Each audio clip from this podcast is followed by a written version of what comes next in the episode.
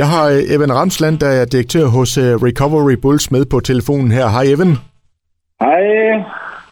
Trykfonden de har jo øh, netop uddelt over 5 millioner kroner, og der har Recovery Bulls fået en, kan vi godt sige, god del af kagen, 800.000. Hvordan har du det med det? Jamen, øh, det er jo en helt fantastisk øh, donation, som giver øh, nogle gode muligheder for, at vi kan udvikle på det, vi gerne vil.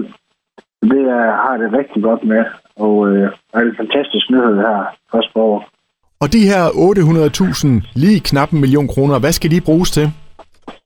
Jamen, øh, det er faktisk til noget, vi har øh, kørende, som hedder Victoria Bulls Girls, som øh, er sådan et fællesskab kun for kvinder. Og det er et, øh, et udviklingsmetodeprojekt, og vi skal prøve at finde lidt ud af, hvad der virker, og hvad der ikke virker så godt, øh, når man gerne vil motivere kvinder til deltagelse i idrætsfællesskab, for eksempel.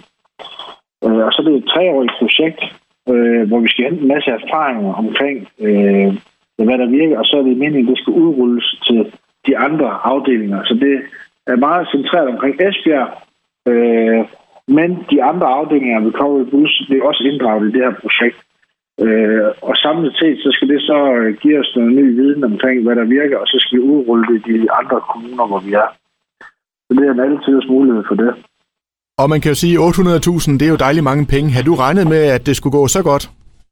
Nej, det, det turde man næsten ikke drømme om. Altså, det er bare dejligt. Øh, Trykfonden har jo mange gange været øh, øh, vilde med vores projekt, så det er fantastisk, at de fortsat stiller op omkring øh, vores drømme.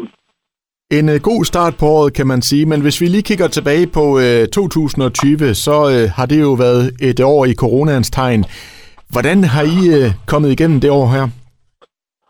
Jamen, øh, vi har jo forsøgt at holde gang i aktiviteterne, så vidt det har været muligt øh, med forsamlingsforbud, og hvor vi nu ellers har haft øh, og nedlukninger. Øh, Øhm, så vi har stadig gang i aktiviteterne, men vi har også set en, øh, en nedgang øh, i deltagelsesantallet.